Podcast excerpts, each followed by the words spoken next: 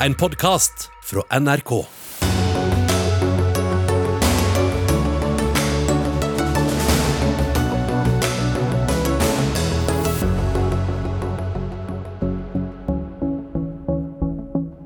Pandemien, mener en professor som etterlyser mer statlig styring. Petter Northug får bruke sitt eget klesmerke fullt synlig mens han kommenterer for TV 2. Er det i tråd med pressens etiske regelverk? Et nytt digitalt verktøy gir offentlige myndigheter lynrask tilgang til absolutt alle bankopplysningene dine ti år tilbake i tid. Nå er jurister bekymret for personvernet. Og filmen Don't Look Up er et treffsikkert bilde på samfunnets møte med klimakrisen, mener noen. Umorsom og helt på siden, synes andre. Og vi skal diskutere både den, omtalen av sårbare grupper og ha forhandlinger her i Dagsnytt 18 med Sigrid Solund i studio. Norske elever er på vei inn i det tredje året med en skolehverdag preget av mer eller mindre strenge smittevernregler.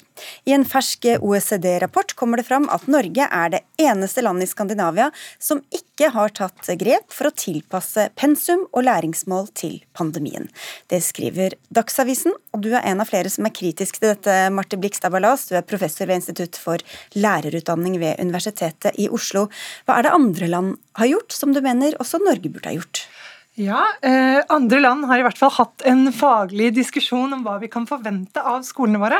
For Det vi etterlyser litt, det er nettopp en diskusjon som handler om fag, og ikke bare om eh, smittevern. For sånn som det er nå, så forventer vi akkurat det samme av skolen som det vi gjør i en normalsituasjon når det ikke er pandemi. Og det jeg og flere kollegaer sier til Dagsavisen, da, det er at eh, vi syns det er et litt underlig premiss at vi kan forvente det samme av skolen som i en normalsituasjon. For det tror vi ikke er reelt når skolen går for halv maskin og veksler mellom gult og rødt nivå eh, og har mange elever til stede og mange i karantene, og sånn som det har vært nå eh, i godt over et år. Hva, eller Hvilke mål er det som kan da bli vanskelig å oppnå i den situasjonen? Det vil jo variere veldig, men vi tror jo at det å opprettholde akkurat det samme læringstrykket og de samme forventningene, eh, det vil være nesten umulig. Og da er vi veldig enige med det Steffen Handal sier i avisen i dag, nemlig at da blir det Altså lederen i Utdanningsforbundet? Ja, det er riktig. Lederen i Utdanningsforbundet sier at det det innebærer i praksis, blir at hver enkelt lærer må bestemme hvilken del av opplæringstilbudet er det eh, vi da eventuelt skal nedprioritere. Og vi har jo jo forskning også fra Universitetet i Oslo hvor vi ser på hva hjemmeskole f.eks. har innebært. og Da ser vi at variasjonen i opplæringstilbudet den blir enda større, fordi viktige faglige valg blir overlatt til eh, hver enkelt lærer og hver enkelt skole. Elise Bjørnbekk Vågen, du sitter i eh, utdannings- og forskningskomiteen på Stortinget for Arbeiderpartiet. Hvorfor har ikke disse justeringene skjedd i Norge? Først og fremst så vil jeg si at det er veldig fint at debatten løftes. Eh, for vi vet at situasjonen... Da går vi til debatten, skal vi gjøre det? Ja, ja men At man nå løfter diskusjonen da, om situasjonen ute i skolene og konsekvensene for, for, barna, først og fremst. Og så er det jo ikke helt riktig at det ikke er gjort tiltak. Nå er det jo sånn at eh, Arbeiderpartiet ikke har sittet i regjeringskontorene siden i fjor høst. At mye av denne koronahåndteringen ute i skolen har vært foretatt av forrige regjering. Men når det er sagt, så er det jo sånn at det har vært lokale myndigheter som har hatt muligheten til å redusere kompetansemål, til å kunne se på timeantallet og se på faga. Men så tror jeg vi skal være veldig ydmyke på å si at om dette i realiteten har blitt gjort, og hvilke vurderinger som har blitt gjort der ute, om det, hvilke konsekvenser det har fått, det mener jeg at det er noen den lærdommen vi må ta med oss. Men, ja, Hvis dette skal skje lokalt, det ene er jo da at det blir veldig variabelt, men det andre er vel at også under en eh, eksamen f.eks. så vil man jo forvente akkurat at alle elevene har, har lært det samme, selv om virkeligheten er helt annerledes. Ja, nå har eksamen blitt avlyst både i 2020 og 2021, men noe av utfordringsbildet er jo nettopp det at smittesituasjonen er så varierende rundt om i landet. Og hvis vi nasjonalt skal ta ned kompetansemålene, så er jo det også et signal å sende til skoler og til områder hvor det nesten ikke er smitte. Og vårt mål har jo nettopp vært det at man skal ha mest mulig normal læring for elevene, legge til rette for å ha skolene åpne. Og det mener jeg er viktig å få frem også fordi at vi ønsker at elevene våre skal komme best mulig ut av pandemien. Ja, Så faren er jo at noen kanskje lærer mindre enn det de egentlig har kunnet, da, fordi at situasjonen der er nokså normal? Ja, og jeg tror alle her er veldig enige om at vi vil ha lokal eh, autonomi, og at eh, der det er mulig å drive så normalt som mulig, så må man ha mulighet til det. Eh, det vi har vært litt bekymret for, det er jo signaleffekten av det motsatte. Altså det å rett og slett si at vi opprettholder akkurat de samme forventningene faglig som før, eh, også når det er rødt nivå og perioder med helt stengt skole. For det tror vi ikke går, rett og slett. Eh, og, og, der har andre land gjort eh, nedjusteringer. Blant annet så har de i Danmark hele tiden når det har vært hjemmeskole, altså når elevene faktisk har vært fysisk hjemme, så har man hele tiden omtalt det som nødundervisning. Og det kan jo virke som et litt sånn retorisk grep, men det ligger jo noe i det også at man ikke har de samme faglige forventningene, og det tror vi er litt viktig at vi nå, selv om vi har veldig forståelse for at det har vært sånn til nå, at vi nå løfter den debatten og stiller de spørsmålene mm. om hva vi kan forvente av skolen per nå. Ja, og det er nettopp de mulighetene man har hatt lokalt. Da. Men så har man kanskje ikke tatt de diskusjonene lokalt for å se hva er det som ligger innenfor kompetansemålene. Men hvorfor kan man ikke ta det nasjonalt også? Klart man kan ta det nasjonalt, men vi må også se at dette har en sammenheng med hvilket tiltaksnivå man er på. Så dette har jo helt klart en relevans når man er på et strengt tiltaksnivå nasjonalt, og når man har en trafikklysmodell. Men i den grad det også er store lokale variasjoner, så mener jeg at det er et poeng i seg selv at man også har den muligheten. Så her må vi se på at de faktisk får de mulighetene og får de verktøyene til å kunne gjøre de vurderingene reelt lokalt, som faktisk kan ha et best mulig læringsutbytte. Ja, jeg synes nok det har vært å merke seg at til og med Utdanningsforbundet, som vanligvis eh, er veldig opptatt av dette med autonomi lokalt, sier at de over tid har etterlyst da klarere retningslinjer på hva man skal prioritere aller mest. Eh, og mitt klare inntrykk fra lærere er jo at det ikke har vært tydelig nok eh, hva som er den lokale prioriteringen heller. Så jeg tror du har helt rett i at kanskje man ikke lokalt har benyttet den muligheten til å justere da, der man eventuelt velger å prioritere noe over noe annet annet. For vi vet jo også fra forskningen at det har vært læringstap, og det har vært noen ting som har blitt prioritert over andre. Og vårt poeng er at nå er det litt tilfeldig eller litt stor variasjon i hva det blir. Og lærerne ber om det, forskerne ber om det. Hva, hva gjør dere da? Jeg tror Det viktigste for oss her og nå er jo å sørge for at man ikke kommer i den situasjonen. Eh, det er jo å sørge for at vi nå vaksinerer lærerne. det å sørge for at jo, man faktisk... Jo, Men nå har vi vært i den situasjonen i to år, da. Dere, du sier dere ikke har ja, sittet så lenge i regjering. Dere har sittet, vært det ledende opposisjonspartiet det er klart, i Men hvis jeg bare kan få lov til å svare på det. Eh, fordi at den regjeringa som ga seg nå i høst, den på mange måter åpna jo Norge. Det skoleåret som vi begynte på i høst, der var det helt annen hverdag. Det vi gikk til da, var jo at det var for, i det store og det hele en normalitet i klasserommene. Og så kom omikron. Og så er det jo mye som kan sies om det. Men det er jo ikke så mange uker vi nå har levd i ved at det faktisk har vært et annet tiltaksnivå, ved at vi nå har rett til videregående skole. Har dere mens dere satt i opposisjon foreslått at her bør vi kanskje se på om det skal være nasjonale nedjusteringer av læringsmålene f.eks.? Det har vi ikke, for den kritikken som kommer nå, den er relativt fersk og den er relativt ny. Og vi har støtta det forrige regjering har gjort, ved at man har gitt den lokale muligheten til å faktisk justere det. Og så er vi veldig lydhøre og åpnet for å høre at hva som faktisk er konsekvensene av de tiltakene. Men samtidig så må vi hele tiden ha den balansegangen for å sørge for at vi har mest mulig ambisjoner der vi kan få til det på elevene sine vegne. Og så har vi helt nye læreplaner som også skulle implementeres samtidig, så det å begynne å nedjustere noe som akkurat skal innføres, det er jo ikke helt fort gjort eh, import. Nei, jeg sier ikke at det er lett, og jeg vet heller ikke hvilke konkrete tiltak jeg tror hadde vært best, f.eks. Eh, men jeg syns det er noe veldig urealistisk ved at vi nå på andre året opprettholder at mandatet til hver enkelt lærer er å oppfylle samtlige kompetansemål i læreplanen på toppen av alle smittevernsreglene. For det, jeg syns det virker helt urealistisk, og jeg tror mye av frustrasjonen i skolen ligger nettopp der. I slutten av neste uke kan det kanskje komme nye retningslinjer for skolene. Vi får vente og se. Takk skal dere ha inntil videre, Elise Bjørnebekk Vågen fra Arbeiderpartiet og Marte Blikstad Ballas, professor ved Universitetet i Oslo.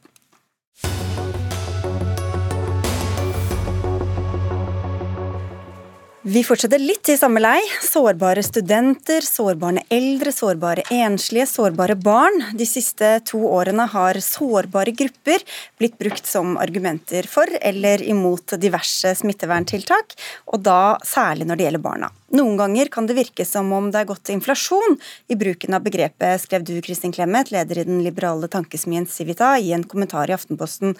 Hvordan er det blitt brukt sånn? Ja, det er vel ikke mange som ikke har tilhørt en eller annen sårbar gruppe i løpet av de siste par, par årene. Det er ikke noe viktig poeng i min kronikk i det hele tatt.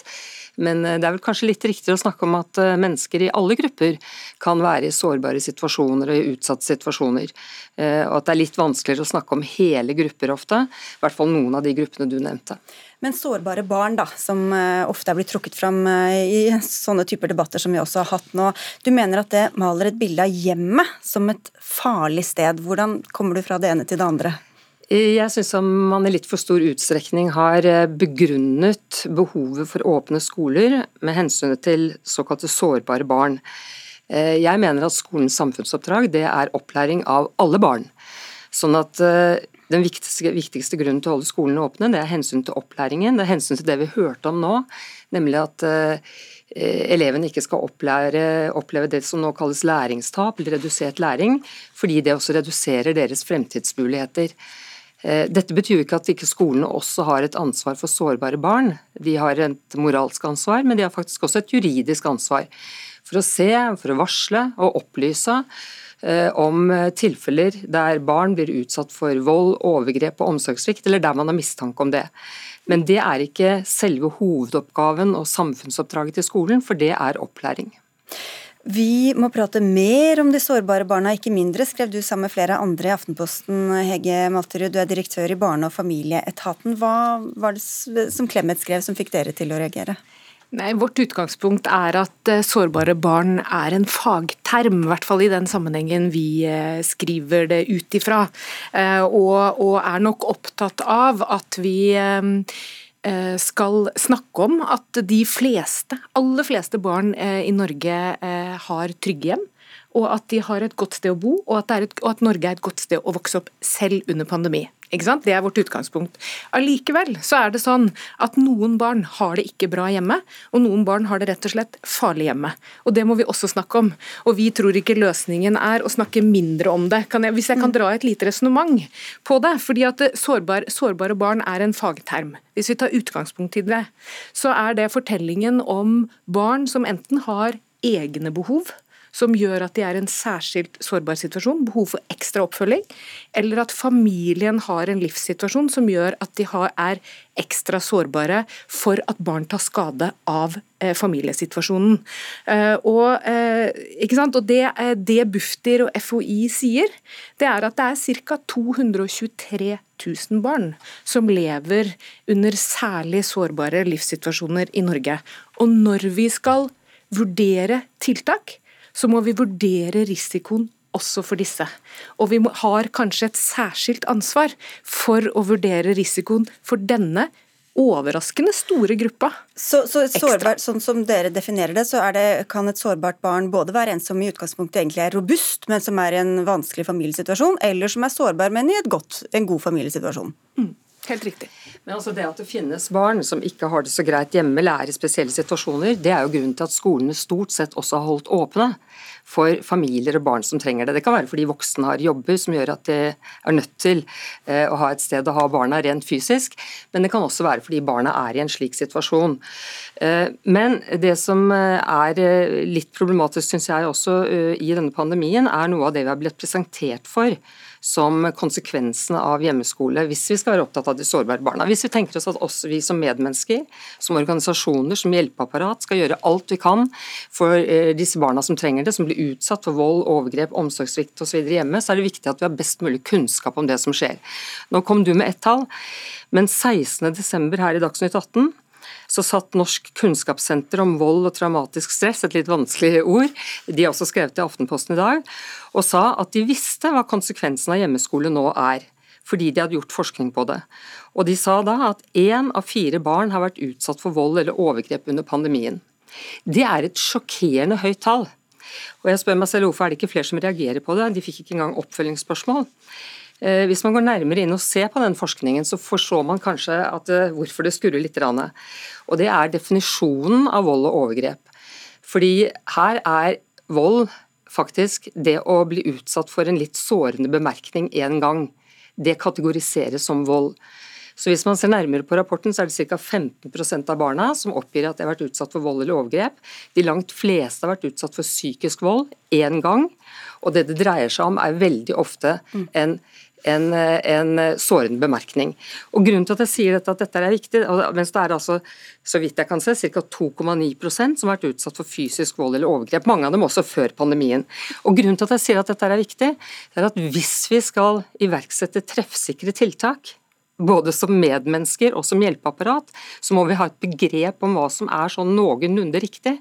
Og jeg mener at dette her er dårlig forskningsformidling. Det er ikke noe gærent med forskningen til dette senteret, Nei, skjønner, men, men, de formidler det så unyansert mm. at folk får et helt annet inntrykk enn det som er faktum. Ja, for Det er vel ikke det man forbinder med vold, eh, at noen har fått en kjip bemerkning fra mor eller far? Ja, Det var ikke engang sikkert det er fra mor eller far. Nei, eller det kan være fra hvem som helst under pandemien. Mm. Ja, og jeg tror NKVTS skal svare for sin egen rapport, og for så vidt. Eh, men, men sårbarhet, hvis vi går tilbake dit, så, så, vet vi at eh, familier som lever i sårbare situasjoner, som jo er mange, det må vi bare erkjenne, der vet vi at hvis når både presset på foreldre og barn eh, blir stort over tid samtidig, så vet vi at risikoen for kollaps i familien er veldig mye større. Og Det er, eh, det er betydningen av skole og barnehage som en en vesentlig arena for familien, eller som et supplement for barns oppvekst, opplever jeg har vært kanskje hovedargumentet eh, eh, bak det at vi faktisk har holdt skolene og barnehagene hvorfor, så Hvorfor er det et skoleansvar og ikke et barnevernansvar, f.eks.? Ikke sant. Eh, skolene og barnehagene kan aldri overta omsorgspersonenes ansvar. Hvis noen skal overta det, så er det barnevern. Det er vi alle helt enige om. Det som er viktig å erkjenne, det er at eh, skolens funksjon i et barns liv kan være så viktig at vi må vite hva som kan være risikoen når vi tar det vekk. Skolen er viktig for de barna.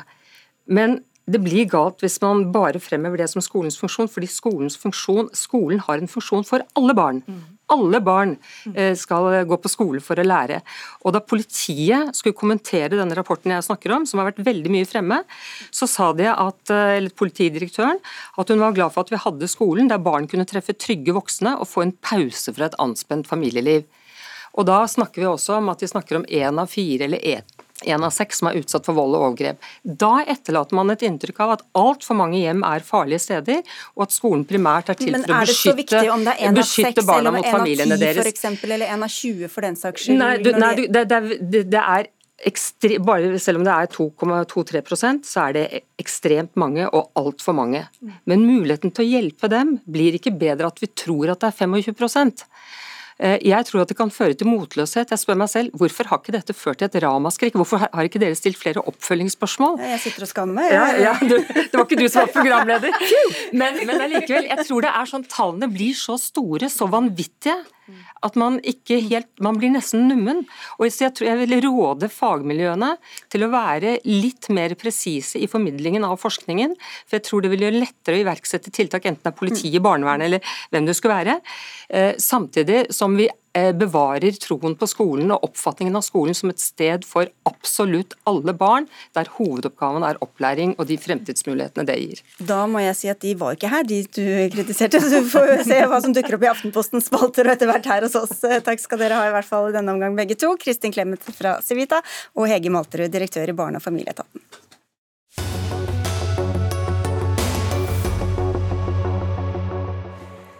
Ja, og koronasmitten den stiger og stiger, og smittetallene skal ytterligere opp i tiden framover. Det forventer i hvert fall Folkehelseinstituttet i ukesrapporten de la fram i ettermiddag. Det siste døgnet er det registrert nesten 8000 nye koronasmittede i Norge. Det er det høyeste tallet registrert på ett døgn hittil i pandemien. Men hvor høyt kan tallet egentlig være, Frode Forland? Du er fagdirektør i Folkehelseinstituttet, hvis vi også tenker på alle som bare tester positivt hjemme. Ja, Det er jo et interessant spørsmål som vi har drøfta i mange rapporter gjennom året. Og Vi har trodd på det beste at vi var oppe i kanskje å avdekke ca. 70% av tilfeller. Eh, nå sier vi i en normal uke at vi kanskje avdekker ca. 50% Men akkurat dette tallet i denne veka er kunstig høyt, fordi at vi har hatt et etterslep av testing gjennom jula. Pluss at vi fikk testa en rekke barn og unge på mandag og tirsdag som har fått bekrefta sine tester med PCR eh, i dag. Så ikke så høye mørketall tror dere akkurat nå, da? Ikke akkurat for denne gangen. Før jul så kom dere med en risikovurdering eh, når det gjaldt omikron-varianten, med ulike scenarioer som dere skisserte, hvorav ett var, var det 300 000 tilfeller per dag. Det var litt mm. ulike uh, muligheter. Hvilke, hvilke, om noe av de scenarioene dere tegnet før jul, ser det ut til at vi har havna i nå? Det var vel knapt nok et scenario, det var et regnestykke det, som, som viste hvordan omikron, hvis den får spre seg med eksponentiell vekst og en doblingstakt på to til tre dager, så vil vi få så store tall i løpet av relativt få uker. Det var aldri et realistisk scenario med de tiltakene som vi har inne. og Det vi ser nå er jo at vi har klart å holde og stagge denne veksten av omikron, slik vi har fått en fordoblingstid på fem-seks dager.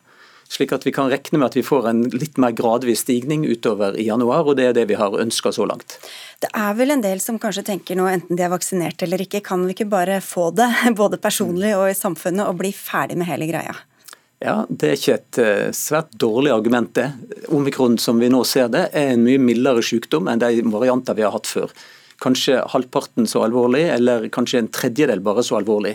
Men samtidig så har den jo en eh, smittsomhet som kanskje er to til tre ganger større enn delta-varianten. Og Det vi må søke å unngå nå, er jo å få altfor mange som blir smitta på samme tid. og Det er målet. Men blant barn og unge for eksempel, så er det ingen stor katastrofe om de blir syke. Nei, Så hva er strategien da, egentlig? Strategien er å prøve å holde ut lenge nok, så ikke vi får en for stor overbelastning på helse- og sosialtjenester, både i kommunene og i sykehusene. Slik at de kan klare å håndtere dette uten en for bratt smitteauke i januar-februar. For nå vet vi at omikron er mindre farlig enn de andre virusvariantene. Så, så hva taler da for, og hva taler mot å fortsette med strenge smitteverntiltak, som f.eks. denne skjenkestoppen mange er opptatt av? Det taler for det at vi eh, ennå må holde igjen for å sikre oss at vi ikke får for stor spredning. Og Vi har ikke lang nok observasjonstid til å kunne si helt hvordan dette går. Disse vekene vi har hatt nå med juleferie og denne første veka etter, vil være egentlig den første veka nå der vi får se hvordan det sprer seg i samfunnet. Og Denne omikron-varianten sprer seg jo med langt over 1 på R. Så at den dobler seg kanskje med en R på 1,4-1,8 beregner vi nå, mens delta går ned. Og Hvis den smittespredninga blir for stor, så blir det bare for mange som blir syke på en gang. Både av innleggelser og av folk i karantene, og folk som skal betjene viktige samfunnsfunksjoner. Mange er spente på hva regjeringa kommer med i slutten av neste uke. Har dere bestemt dere for hva dere vil råde i dem? Nei, Vi ser på det nå, og vi jobber jo med underlaget for det. Og er òg veldig opptatt av å se på hvordan smittespredninga blir og belastninga ute i tjenestene. Og Det vi òg må huske på nå, er jo at både fastlegeordninga og eh, Eh, antall personell i, i pleie- og omsorgstjenesten i kommunene er på strekk. Så Vi starter egentlig med bakgrunn i et ganske høyt nivå av deltasmitte, som fortsatt henger igjen også i sykehusene, med ca. 300 innlagt i sykehus daglig nå, og 100 eh, på intensivavdeling. Da får du gå tilbake til beregningene, Frode Forland. Takk skal du ha. Okay.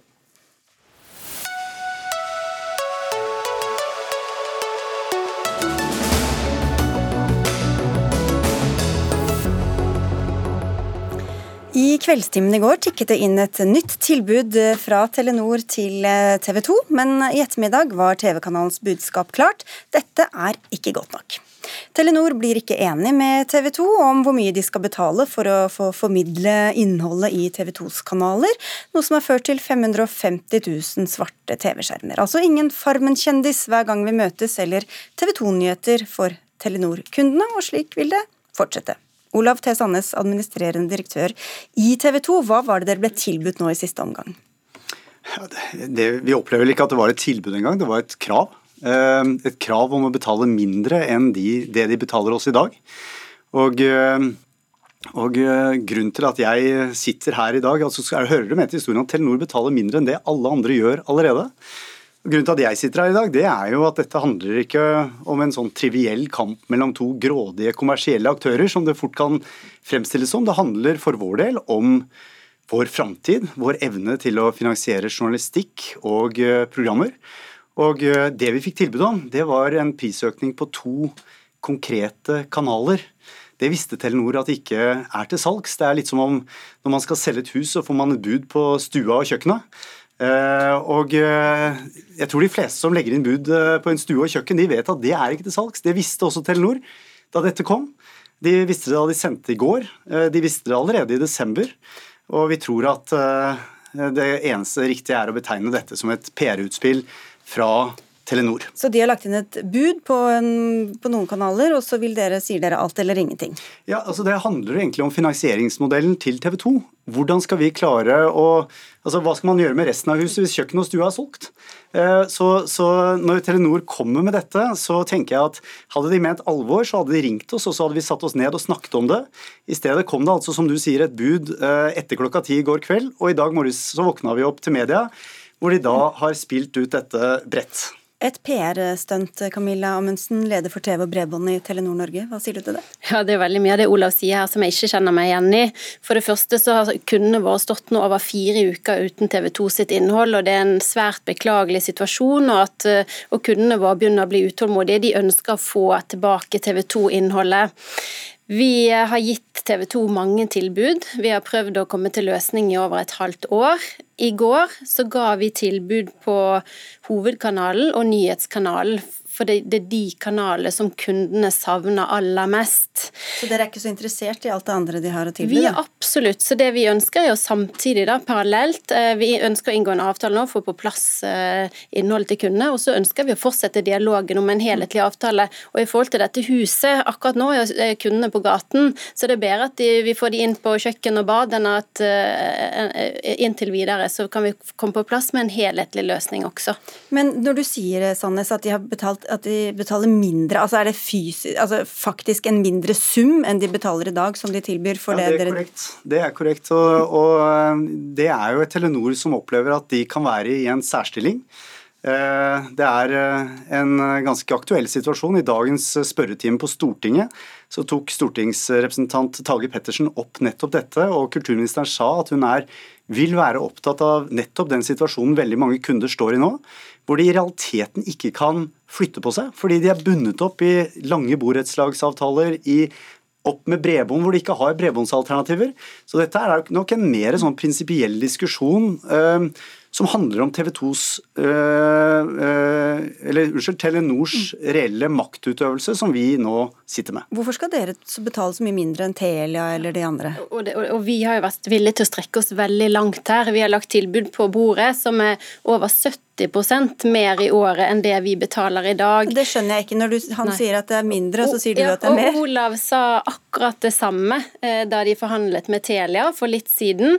Vi har ingen innsikt i hva de andre gir. Med forrige reforhandling med TV 2 i 2018, da ga vi en 30% økning. Og at vi skal gi over 10 eh, i året, det er jo langt høyere enn prisstigning. Men du, du, sier at summen dere legger på bordet er større, og så sier du at den er ja. mindre? Ja, ikke bare det, men altså, det er jo veldig mange prosent det her. Veldig mange prosentregninger som kommer her. Jeg må jo si at det de hopper veldig glatt over, det er eh, at de snakker om 70% mer, men de snakker ikke om hva de kommer fra og utgangspunktet. Utgangspunktet er som om Elkjøp sier at eh, nå er det Black Friday og vi har tilbud på 70% men de har ikke snakket om utgangsprisen, de har ikke vært så spesifikke på den. Og det vi nå opplever, det er at Telenor hopper litt bukk over utgangspunktet i handlekurven til Telenor, når de har bedt, budt mer penger, de 70 kjenner vi oss ikke helt igjen i, men det kan vi nok sette oss ned og snakke om hvis Telenor er villig til å sette oss ned og snakke ned. Men det vi er opptatt av, det er jo at de har langt flere rettigheter som de nå har fått tilbud om, og som de har budt på.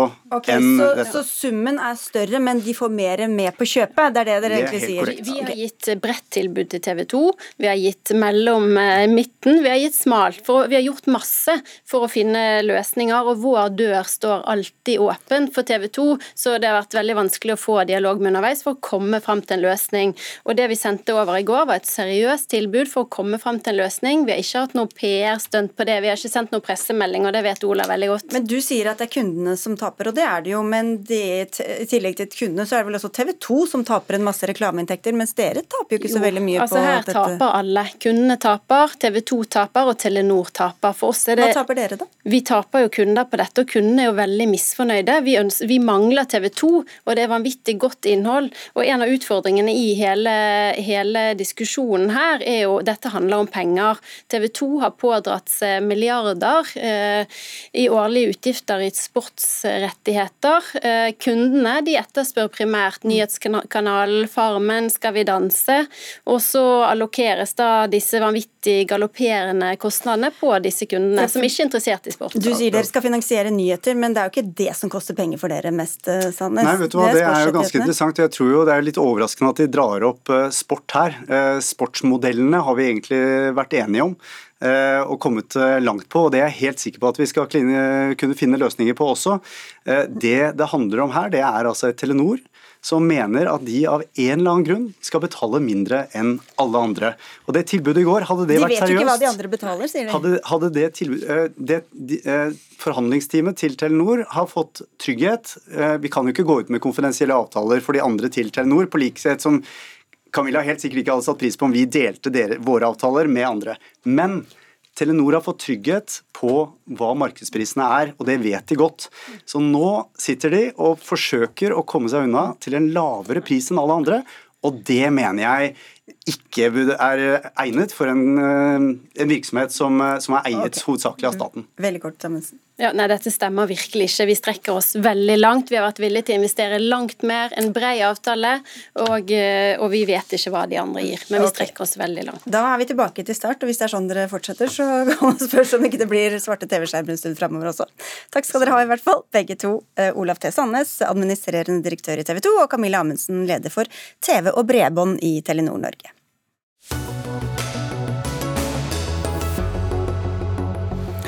Hvem du sendte penger til og fikk penger fra hele ti år tilbake i tid, kan om kort tid bli lett tilgjengelig for offentlige myndigheter som Nav, Skatteetaten og Økokrim. Det skriver Dagens Næringsliv. I dag må etatene spørre bankene manuelt om å få opplysninger om enkeltpersoner, men snart kan dette gå automatisk. Tom Stovi, informasjonsdirektør i Finans Norge. Du representerer bankene, som altså må gi fra seg denne informasjonen. Hva kan myndighetene få vite om en person gjennom all den informasjonen som dere må gi fra?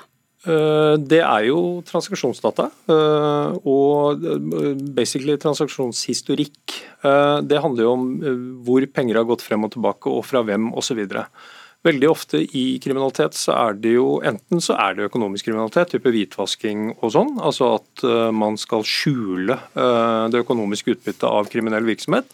Men i mange typer straffesaker så har man også økonomiske spor som gjør at man kan komme til domfellelse eller mm. avverge kriminalitet. Men for oss alle som ikke er kriminelle, så vil man få vite om man har gått til psykolog i ti år, eller ja. om man har brukt alle pengene jo, ja. sine på hatter, ja. eller hva som helst. Ja, ja. Men, det, men bare sånn, hvis vi bare kan dempe dempe, dempe, denne frykten for at Norge er i ferd med å bli et digitalt Nord-Korea med en gang.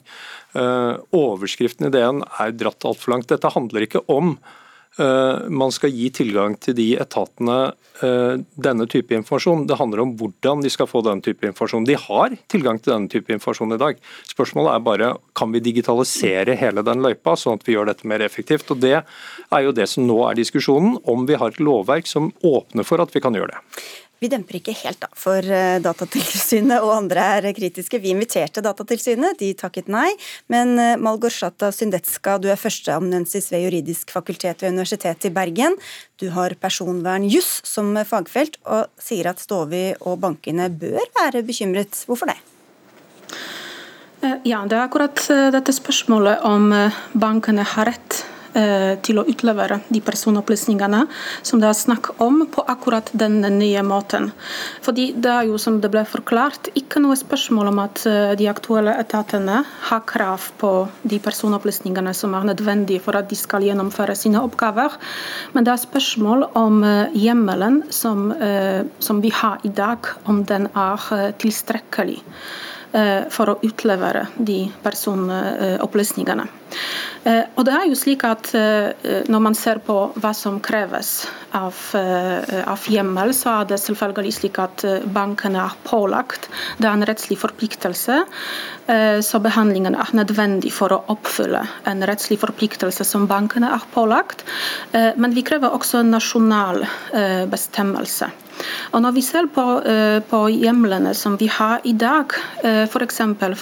på hjemmelen som gjelder Økokrim, så står det faktisk der i hvitvaskingsloven paragraf 26 at Økokrim har krav på nødvendige personopplysninger etter forespørsel.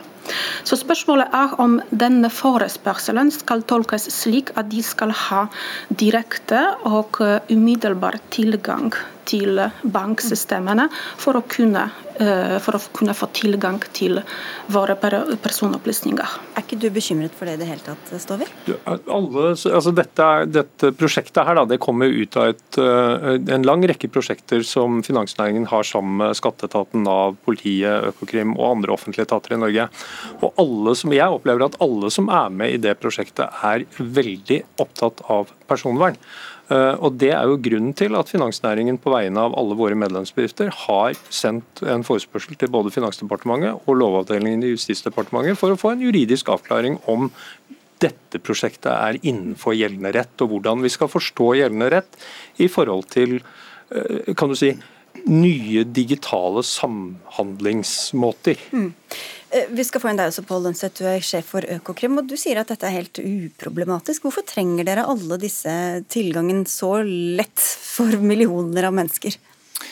La meg starte med å si at Jeg skjønner godt at det er en balansegang mellom eh, personvern på den ene side og eh, effektiv kriminalitetsbekjempelse på den annen side. Det er ofte to hensyn som er motstridende, og som kolliderer rett som det er. Men her er vi jo i en situasjon hvor lovgiver på demokratisk vis har tatt stilling til denne avveiningen, og gitt politiet og Økokrim tilgang til den informasjonen i, i, flere år. Har vi hatt tilgang til den informasjonen. Men ikke så lett tilgjengelig som jo, man skal få den av? Eh, vi har hatt, det er ikke snakk om å utvide tilgangen til politi og påtalemyndighet. Det er en misforståelse. Det er ikke noen nye hjemler som sier at vi skal ha mer tilgang. Eh, ytterligere tilgang på annen type informasjon. Vi skal ha akkurat samme tilgang som vi har hatt før. Dette handler om hvordan vi skal få den informasjonen. Og da er det eh, veldig eh, fornuftig, eh, syns jeg, og innenfor eh, hjemlene vi har, å gjøre dette på en digital måte istedenfor en tradisjonell analog måte, som er mye mer arbeidskrevende for alle sammen. Hva er da problemet Sundetska, ved akkurat den måten å gjøre det på? Ja, Det er ikke akkurat slik at uh, det er helt uproblematisk at uh, denne måten Den er jo selvfølgelig effektiv, og den er jo ønskelig. Det er jo absolutt ingen som sier at vi ikke skal digitalisere. Vi skal digitalisere Norge, vi skal bruke den nye teknologien. Men det som er problemet, er at vi er ikke sikre på om hjemmelen vi har som var utviklet ikke på den tiden det var snakk til, uh, denne, om denne typen behandlingen, om den er tilstrekkelig. Og Det er jo bare å avklare dette. fordi Det er jo ikke snakk om å utvide tilgang til personopplysninger, og det er jo helt riktig. Eh, det er jo snakk eh, om selve behandlingen. Og Hvis man ser på forarbeidene til personopplysningsloven, så står det faktisk slik at jo større inngrep i retten til privatliv, jo høyere krav til hjemmelen. Og hjemmel skal være klar, presis og forutsigbar. Så dette eksempelet som jeg viste til, som gjelder dere i Økokrim, etter forespørsel fra Økokrim. Betyr det at dere skal kunne ha direkte og umiddelbar tilgang til, uh, til personopplysninger? Det er akkurat det spørsmålet. Og det er jo bare å sørge for at vi, der, vi har hjemmel på plass. Ja. Det er ingen som benekter at dere skal ha tilgang til personopplysninger, for deres formål er helt legitimt. Og Dette handler nettopp om hvordan. Uh, og I dag så er det jo sånn at uh, når politiet har behov for det, dette bevismaterialet som ligger hos bankene, så må man først identifisere hvor uh, vedkommende eller selskapet har kontoforhold hen. Og så må man deretter gå til den finansinstitusjonen som har de kontoforholdene. Og så må man be om den informasjonen, og så må bankenes ansatte gå i sine systemer og finne fram den informasjonen, og sende den i ulike formater i dag til politi og påtalemyndighet. Og så må politi og påtalemyndighet forholde seg til disse ulike formatene og behandle den informasjonen. Dette handler om et system hvor vi på samme hjemmelsgrunnlag identifiserer dette behovet eh, i bruker våre systemer og snakke, som kan snakke med bankenes systemer og hente ut informasjon på samme måte, slik at man sparer arbeidstid hos politi og påtalemyndighet, og man sparer bankenes arbeidstid. Dette er tid som man kan bruke på annen type eh, viktig arbeid, både hos bankene og i politi og påtalemyndighet. Men dere, Ståvid, dere skal jo ha selvfølgelig forpliktelser overfor myndighetene, men også overfor deres egne kunder. Hvordan kan dere være sikre på at dette ikke kommer på avveie eller blir misbrukt? Nei, det er jo, du vet at Personvernet kan jo på mange måter styrkes ved å legge opp en digital vei. Fordi at eh, en digital vei, den, der er det spor. Så da kan man lett finne ut hvem som har spurt, hva som er utlevert, og når det er utlevert osv. Så videre. sånn at hvis noen på en måte henter inn informasjon de ikke har hjemmel eller rett til å hente inn, så er det mye enklere å faktisk finne ut av det i en digital verden enn det er å finne ut av uh, analoge logger. Uh, og så bare, lyst til å si, fordi Du stilte spørsmål i sted, men uh, å hente ut uh, økonomien til millioner av nordmenn altså, kan vi ikke bare... Det, ja, hvor ligger terskelen da? Hvem er det som kan risikere å få alle opplysningene sine? Det vet uh, Pål Lønseth mye mer om enn meg, hva denne hjemmelen tilsier. Jeg skal jo ikke vite hvordan politiet arbeider, men, men, men, men, poenget er nå engang sånn at i dag så blir jo dette gjort på en håpløs ineffektiv måte. og Jeg tror alle parter i dette prosjektet er enige om at vi skal forsøke å få til en digital vei. Vi må bare få avklart hva lovverket sier, eh, og så må vi legge inn de nødvendige personvernbeskrankningene i det løpet som legges opp. Så om dette blir liksom en totalautomatisert ordning helt til slutt, det, det, tror jeg ingen vet nå. Men, men alle er enige om at vi skal utvikle en digital løype. For ingen ønsker egentlig tilbake til denne verden hvor vi satt og sendte hverandre brev. Nei, det var det ingen av dere tre som gjør heller. Men disse bekymringene helt kort til slutt her, Lønstedt, Lønseth, om, om hjemmelen faktisk gir dere rett til det. Vil dere gå opp den løypa på ny, eller? Ja, nå ligger jo dette for Lovavdelingen i Justisdepartementet, ja. og jeg håper jo at eh, de eh, svarer ut det ganske fort, sånn at ikke vi ikke får unødige forsinkelser på dette. fordi jeg er helt enig i det som Stovid sier. altså Dette handler egentlig om å, også om å styrke personvernet, fordi du får digitale spor på alt det vi gjør. Og, så dette er både effektivt for personvernet og for kriminalitetsbekjempelsen. Da venter vi på den mektige lovavdelingen. Takk skal dere ha alle tre. Tom Stovi i Infinans Norge, Malgorzata Syndetska ved Universitetet i Bergen og Økokrim-sjef Boll Lønseth.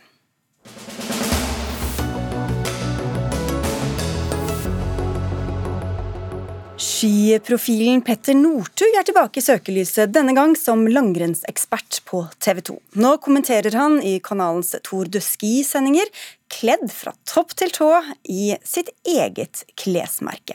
Det skriver Klassekampen, som også hentet inn flere kritiske røster, deriblant din Trygve Aas Olsen, fagmedarbeider ved Institutt for journalistikk.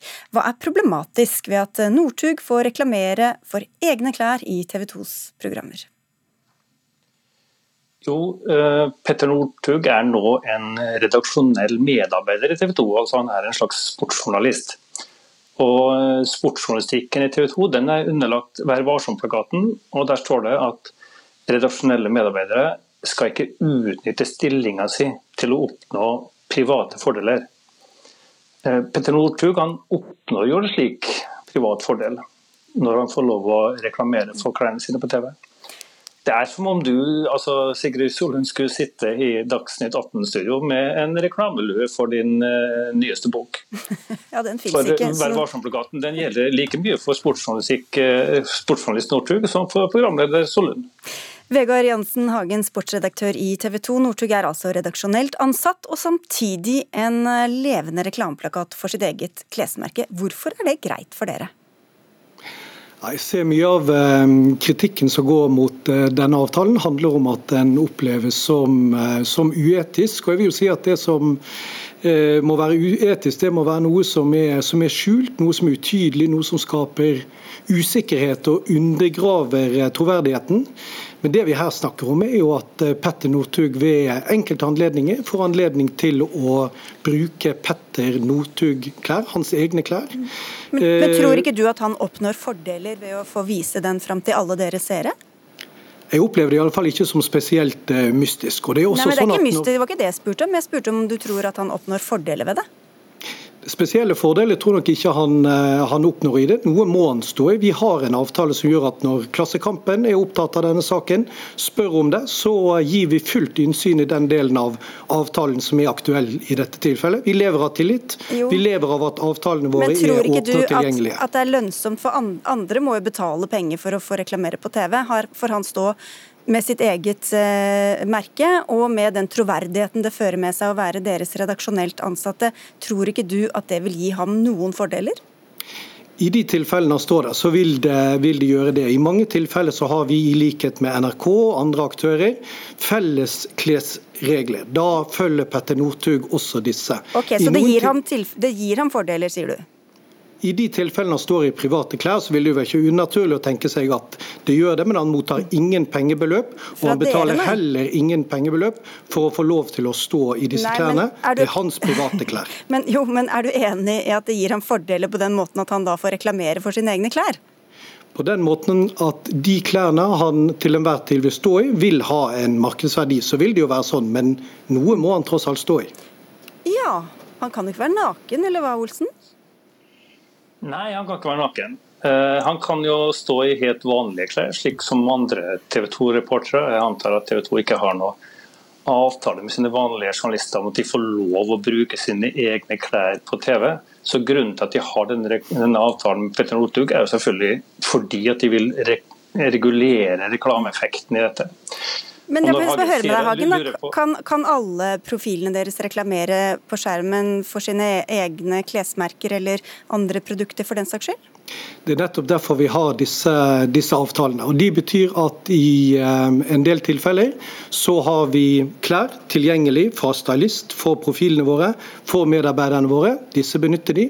Andre tilfeller så har vi ikke slike avtaler. Da benytter en private klær for Petter Northug er disse private klærne Petter Northug-klær. Ok, Tilfeldigvis eh, egen, sitt eget klesmerke. Han hadde jo også først på seg en lue med reklame for drikken Red Bull.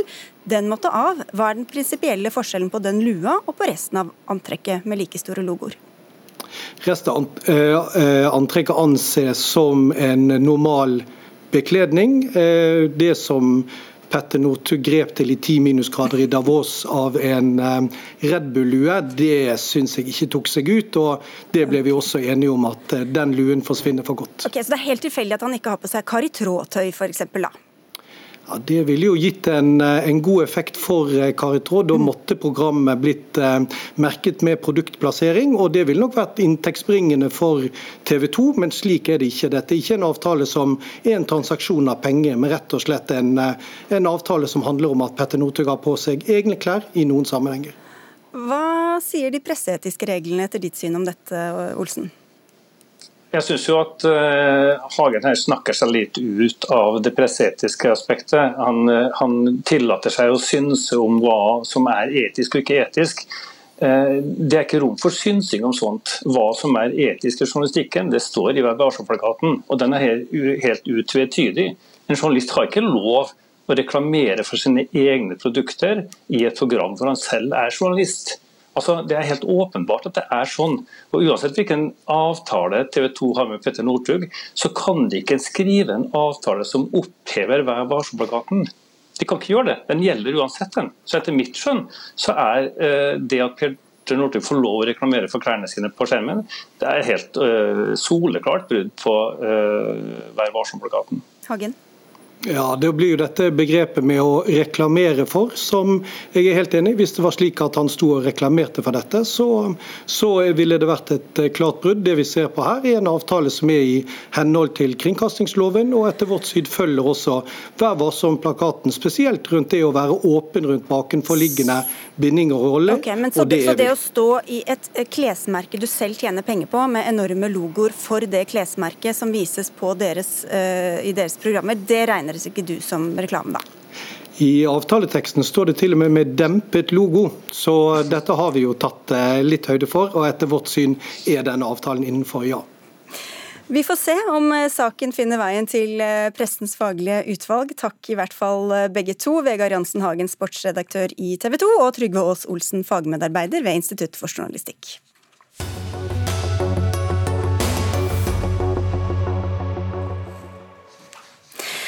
En komet er på kollisjonskurs med jorda, og menneskehetens undergang er nær. Forskerne slår alarm, men de oppdager fort at verken folket eller media vil lytte til dem. Dette er plottet til den satiriske filmen Don't Look Up. Asteroiden kan leses, og gjør det av mange, som en metafor for klimakrisen. Men i stedet for å bry seg om den, er politikerne opptatt av gjenvalg, og folk og medier er opptatt av kjendiser. Filmen har ligget på førsteplass på Netflix globalt, og er mye diskutert i mange land. Kjetil Bragle Alstaheim, du er politisk redaktør i Aftenposten, og du skriver 'Ikke se ned' på Don't Look Up. Hvorfor appellerte denne filmen til deg? Nei, altså, Jeg, jeg syns det var god underholdning i romjula. Og så er jo debatten om den veldig interessant. Du har ganske stort sprik i anmeldelsene. Der noen, både her hjemme og, og ute, noen mener at den er, den er liksom overtydelig og ikke subtil nok, og slakter den ganske hardt. Og så ser du også at den er engasjert veldig blant mange klimaforskere, som skriver at de kjenner seg veldig igjen i mye av det filmen, den historien filmen forteller. Vi har med en som vi skal slippe til snart, men først til deg, Elin Lerum Boasam. Klimaforskerne har nærmest unisont omfavnet filmen, skriver Alstadheim. Du forsker på energi- og klimapolitikk ved Universitetet i Oslo, taler på en måte dine egne midt imot, da, for du likte ikke filmen, du? Nei, altså jeg likte ikke filmene, men det er jo egentlig ikke så interessant om jeg lot meg underholde eller ikke. Jeg tenker at det vi får kultur og underholdning om klima, er kjempebra. Og hvis noen blir engasjert av denne filmen og får mer lyst til å gjøre noe for å bidra til å løse klimaproblemet, så er det tipp topp, eh, tommel opp, superbra. Men jeg syns at den forenkler problemstillingen på en måte som kanskje ikke er så heldig. For jeg syns ikke at grunnen til at vi sliter med å løse klimaproblemet er hovedsakelig det at, for, at ikke vi lytter til naturvitenskapelig forskning. I hvert fall eh, på norsk debatt så er Og i de aller fleste land i verden så har man jo lyttet til klimaforskningen. og eh, det er et stort flertall i befolkningen som mener at dette her er et alvorlig problem. Men det er komplekst, vanskelig, krevende å løse. Og én sånn teknisk skyte noe ut i verdensrommet, det er liksom ikke det. Ja, for Det er det sånn de egentlig har tenkt å avverge katastrofen. Men, men altså, beskriv også for alle, alle som ikke har sett den, hva er det som treffer så godt av det som treffer, da? Det ene er jo det møtet disse forskerne har med den politiske virkeligheten. Der Jeg er enig med Boasson at forskerne er jo på mange måter blitt lyttet til, i hvert fall i vårt land og mange andre også, når de kommer med advarslene. Men så er det noe med politikkens vesen har Der ramler det inn andre saker hele tiden. Og i, denne filmen så er det denne presidenten som skal utnevne en høyesterettsdommer. Her hjemme så er det, og i verden nå så er det en pandemi som håndteres, som er helt reelle utfordringer. Som gjør at klimaproblemet, som er litt lenger frem enn 6 måneder og 14 dager, som den kometen er i, i filmen, kommer fort i bakgrunnen. Og også den opplevelsen disse forskerne har med, med oss i mediene, der de blir fortalt på morgen-TV de skal være på, ikke ødelegge stemningen for mye. og Dessuten så havner de helt i liksom, skyggen av et sånt kjendispar som går fra hverandre. Bjørn Samset, klimaforsker ved CICERO, du har sagt at du kjenner deg igjen i filmen. Selv om det er satt på spissen og det er satire, hva, hva mener du at filmen klarer å, å vise fram av skal vi si, din, din hverdag? Altså jeg, jeg storkoste meg gjennom den, den filmen. Altså det, er klart, det, det, er som flere sier, det er kanskje litt, litt, urettferdig å si at den er en satire på situasjonen akkurat nå, for det er den ikke nødvendigvis. Men det de er så flinke til, det er å ta på kornet hele den historien som klimaproblematikken har vært igjennom fra forskerne for rundt omkring 30 år siden. Begynte å liksom komme og prøve å si hallo, her, her er det noe som, noe som skjer. Uh, først så ble man liksom satt litt på, litt på, siden og ble kanskje litt, litt ledd av og var en underholdning liksom på, på, nivå med, med andre si, litt, litt sånn sære naturvitere som kommer og skal fortelle et eller annet litt spennende. Så ble man sakte, men sikkert tatt på, tatt på alvor, og så ble det jo en mer og mer uh, alvorlig sak. og Det er klart det er helt framme på, på, på dagsordenen i dag, og det er litt av grunnen til at denne filmen blir så populær også. Men samme det, vi ser jo likevel at utslippene går opp og opp og opp. Så vi er jo fortsatt i nettopp den situasjonen at kometen kommer nærmere og nærmere, og den kommer faktisk fortere for hvert bidige år. Vi har liksom ikke snudd ennå. Så akkurat den der den tar det på kornet, selv om det så klart er en veldig viktig debatt i dag. Altså jeg tenker at Det er en utfordring for oss som driver med klimaforskning at det har vært for mye dommedag eh, fra vår side og for lite fokus på løsninger. Og Mange av oss har vært for feige til å peke på løsninger. Og FNs klimapanel for eksempel, har jo lenge bare pekt på én løsning med å ha en pris på CO2. Så jeg syns liksom ikke denne filmen tar det videre i den debatten som, om hvordan skal vi få med masse flere folk på dette, eh, og hvordan skal vi få til å løse det komplekse problemet. Men det å Altså Man kan ikke kreve at ethvert kulturprodukt om klima skal løse alle problemer, men det er jo kjekt at det gir oss en mulighet til å diskutere det. Samsett. Jo, men hvis vi, hvis vi ser litt, litt framover, så, så, tar den jo også litt de, to av de tingene som, som skjer nå virkelig i debatten. Eh, den, den, den, gjør satire på det, så det er klart den, det, den, setter det veldig på spissen. Men det ene er jo at eh, alle spør jo ja, men kan ikke dette være positivt for noen. da? Kan vi ikke finne noen sånn fin vinkling på det? Eh, vi må jo kunne utnytte noen ressurser på, på dette her. Altså, FNs klimapanel sier at det blir mer fisk utenfor Norge Norge. Det må jo være bra. Så har vi en positiv effekt av klimaendringene. Det er, liksom, det, det er en nesten uetisk del av debatten sånn som den foregår i dag. En annen ting er disse teknologiske løsningene som kommer opp. Det er jo, en ting er at Den teknologiske løsningen med å fjerne karbon fra atmosfæren den er blitt bakt inn i alle eh, scenarioene nå. Den var regna som urealistisk for bare noen år siden. Det har vi nå eh, kjøpt. Det, det, skal vi gjøre. Mange snakker om å, å blokkere solstråling. Eh, som, som, for kort tid siden ville regnes som, som, helt fullstendig uakseptabelt. Det gjør de, mener de fleste fortsatt også. men Det blir stadig nærmere å bli stuerent å snakke om det også. Det er en veldig fin parallell med de ekstreme teknologiske løsningene som kommer på slutten av filmen. Så jeg tok det på kornet. Samtidig, eh, i, i, filmen her så er det en av forskerne som hun går vel litt bananas når hun blir intervjuet. Sier altså skjønner dere ikke alvoret her? Vi kommer til å dø. Er, er det, kjente du deg litt igjen i den frustrasjonen, eller? Det, altså, man, man, får jo litt, litt, lyst av og til når, når du ser at uh, vi har holdt på i, i 30 år og man kommer ikke videre. Altså, det er klart Jeg er enig med, med Elin som sier her at vi, vi, skal ikke ha for mye dommedag. og det, det, tenker Jeg også. Jeg har akkurat skrevet en bok på 450 sider som nettopp prøver å unngå det dommedagsproblematikken. Så Der er vi helt enige. Men av og til så kan man bli litt frustrert. og Der, der går du i en litt sånn annen, mer forskningskommunikasjonsgreie. at Noe av det første vi får høre når vi, når vi begynner å trene på forskningskommunikasjon, er ikke dra for mye på følelsene. Det kan du gjøre én gang, og da blir du et sånt uh, sideshow. og Da blir du personen som hylte og skrev på TV, og så er man liksom føysatt til siden. Hvis du vil være der lenge, så må du være med på, på leken, sånn som da hennes uh, andre, altså hennes mannlige partner, eller uh, veileder er det vel, blir. Han blir jo en del av mediesirkuset og fungerer mye mye bedre, men han, han blir da avdempet og blir liksom lurt inn i det. og blir kanskje ikke... Ja. er det deg?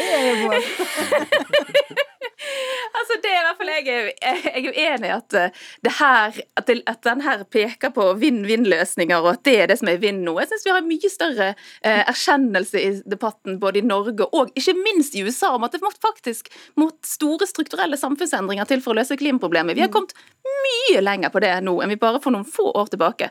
Så der syns jeg filmen er skikkelig gammeldags, egentlig. jo, men det er jo altså med, med nyere historie friskt i minne. På slutten av filmen så ser de jo faktisk asteroiden, og da blir jo mantra 'don't look up'. Vi liksom bare ser rett fram. Det er eh, asteroideskeptikere, og det er de som vil tjene penger på asteroiden. Det er jo nokså gjenkjennelig? eller? Ja, ja, altså det her er jo, det er jo veldig lett å gjøre narr av disse amerikanske debattene. Eh, men det, det treffer jo altså, Den amerikanske klimadebatten er spesiell.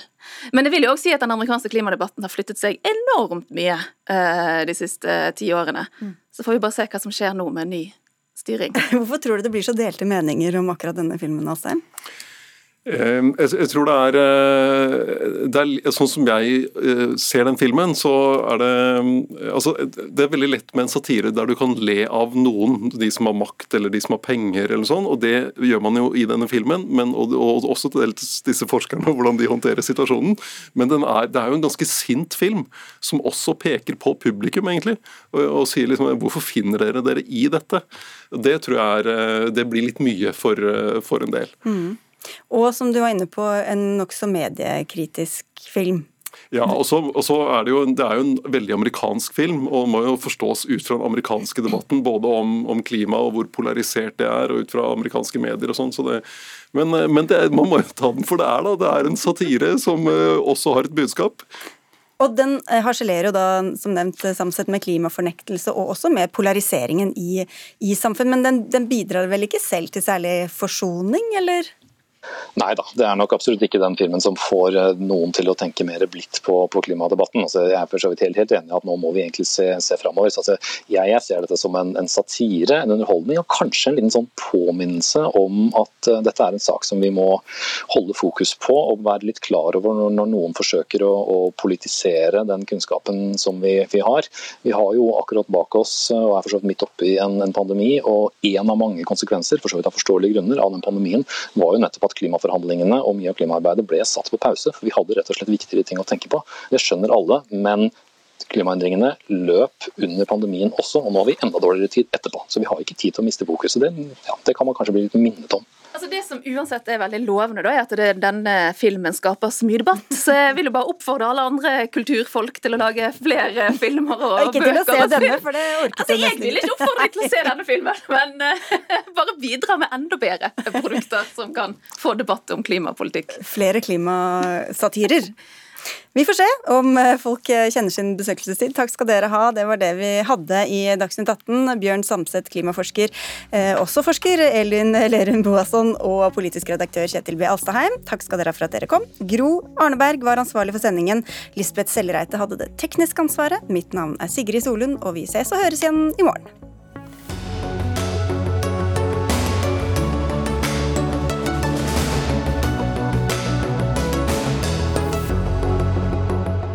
Du har hørt en podkast fra NRK. Hør flere podkaster og din favorittkanal i appen NRK Radio.